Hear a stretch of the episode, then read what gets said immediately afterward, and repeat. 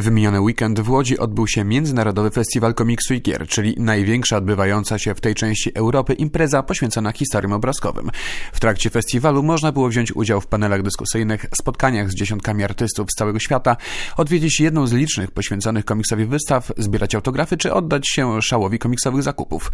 Piotr Kasiński, kierownik artystyczny festiwalu. Bardzo długo budowaliśmy ten program i już od kilku lat y, poszerzamy go o różne nowe elementy. Y, oprócz tradycyjnych spotkań z autorami, autorami, którzy przyjechali do nas z całego świata, oprócz y, sesji autografów, warsztatów i scenariuszowych, i, i plastycznych, y, graficznych. Y, mieliśmy strefę Star Wars dla miłośników Gwiezdnych Wojen, mieliśmy bardzo rozbudowaną strefę komiksu japońskiego. Była oczywiście duża strefa gier i PC-owych, i konsolowych. Do tego obudowa taka teoretyczna związana z tworzeniem gier i, i z, jakby z ich projektowaniem. Także naprawdę bardzo, bardzo różnorodnie myślę było na naszym festiwalu rzeczywiście okazuje się, że chyba te dwa dni, te zasadnicze, kiedy jest festiwal, jest to za mało. I kto wie, czy, czy w przyszłym roku nie będziemy mieli trzech pełnych dni, czyli piątek, sobota, niedziela, kiedy już w piątek będą spotkania z artystami, bo sobota i niedziela, patrząc na to, jaką ilość artystów daje nam się zaprosić, te dwa dni to jest za mało. Jednym z głównych gości festiwalu był Brytyjczyk Dave McKean, malarz, rzeźbiarz, fotografik, rysownik i reżyser, a także ilustrator, projektant okładek albumów muzycznych i pianista jazzowy. McKean znany jest ze współpracy z Nilem Gaimanem, a także z komiksu Azyl Arkham, przełomowego graficznie albumu o Batmanie. Jak wynika z jego wypowiedzi o oryginalności komiksu, mogła przesądzić jego niechęć do postaci w groteskowych kostiumach. Well, I don't like superhero comics at all. I did as a child. Właściwie to nie lubię komiksów superbohaterskich. Lubiłem jako dziecko, mając 12 lat uwielbiałem je, ale obecnie nie lubię ich fabuł i nie podoba mi się eskapistyczna ucieczka w świat niedorzecznych, fantastycznych supermocy.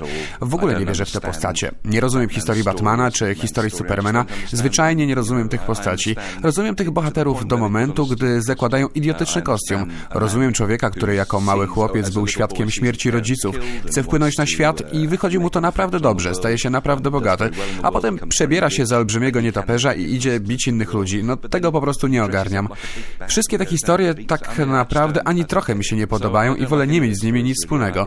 Powiedziałem więc o tym Grantowi Morrisonowi, scenarzyście, który miał naprawdę dużą ochotę zawrzeć w swojej historii wpływy z powieści, dobrych scenariuszy filmowych czy teatralnych i zdecydowaliśmy się rozegrać tę historię w bardziej w sferze symbolicznej. Batman jest tu bardziej jako cień. Nigdy nie widzi się go jako Bruce'a Wayne'a zakładającego kostium. Pierwotnie w fabule był też Robin, ale tej postaci to nie rozumiem już w sposób absolutny, więc z niego zrezygnowaliśmy. Chciałem przedstawić bohatera raczej jako ikonę, czy też mit, bardziej oddać ducha tej postaci, niż pokazać wprost człowieka przebranego za nietoperza. Jednym z gości festiwalu był też Amerykanin Brian Azarello, scenarzysta Stuna Boy czy komiksu o Jokerze, który poprowadził warsztaty dla scenarzystów.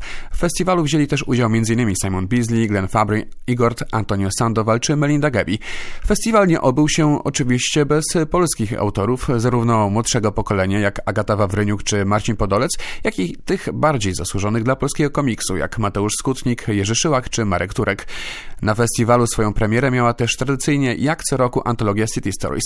Zawiera ona historię o Łodzi. Projekt polega na zestawieniu ze sobą w danej edycji autorów z Polski i z jednego z europejskich państw. W tym roku byli to Ukraińcy. Karol Konwerski, uczestnik tegorocznej edycji City Stories.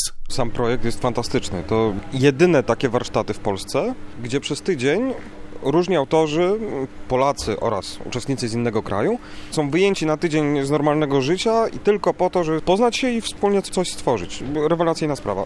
Dyrektor festiwalu i, i redaktor prowadzący całego projektu stwierdził, że jest to najlepsza antologia z dotychczasowych. Że ustawiliśmy tak wysoko poprzeczkę, że będzie trudno kolejnym ekipom ją przeskoczyć. Nieskromnie powiem, że naprawdę się staraliśmy. Chcieliśmy, żeby to było naprawdę coś. Nie było żadnych barier. To jest ciekawe. Żadnych barier. Po prostu City Stories to jest o tyle szczególny projekt, że nikt nam nie narzuca, z kim mamy pracować. Tylko to się tworzy w trakcie. Prawda? Poznajemy kogoś i wiemy, z kim łapiemy jakąś nić porozumienia. Współpraca banalnie prosta. Ja, ja rzuciłem sześć pomysłów. Rysownik mówi, kurde, wszystkie mi się podobają, ale wybierzmy jeden.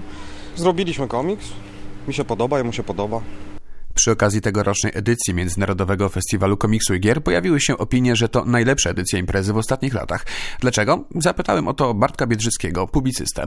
Takie głosy pojawiają się już e, od dwóch czy trzech lat. Może to znaczyć, że festiwal znalazł jakiś sposób na zaciekawienie odbiorcy, albo po prostu znalazł wreszcie swoją złotą formułę. I teraz tak naprawdę widać bardzo ciężką pracę organizatorów, żeby zapewnić nowych, ciekawych gości, żeby ponownie zaprosić tych, którzy zainteresowali publiczność w zeszłych latach. Widać też starania wydawców, żeby przygotować jak najlepsze produkcje właśnie na ten okres. Myślę też, że jest to też troszkę kwestia tego, że wkracza kolejne nowe pokolenie czytelników, pasjonatów komiksu i oni zaczynają przyjeżdżać na konwent i w pewien sposób może troszeczkę wnoszą taki świeży powiew w odbiór tego wszystkiego, co się dzieje. Ktoś, kto był na festiwalu 6-10 razy, patrzy na niego trochę zblazowany. Ktoś, kto pojechał pierwszy raz, miał prawo ze wszechmiar naprawdę się zachwycić tym, na co trafił, bo ten festiwal zaczyna wyglądać powoli tak, jak chcielibyśmy, żeby wyglądał, czyli tak jak festiwale w Europie Zachodniej, tak jak festiwale w Ameryce. Jeszcze wiele lat, ale myślę, że do tego dojdziemy. Na następne 5 minut, tym razem o książkach, zapraszamy za tydzień.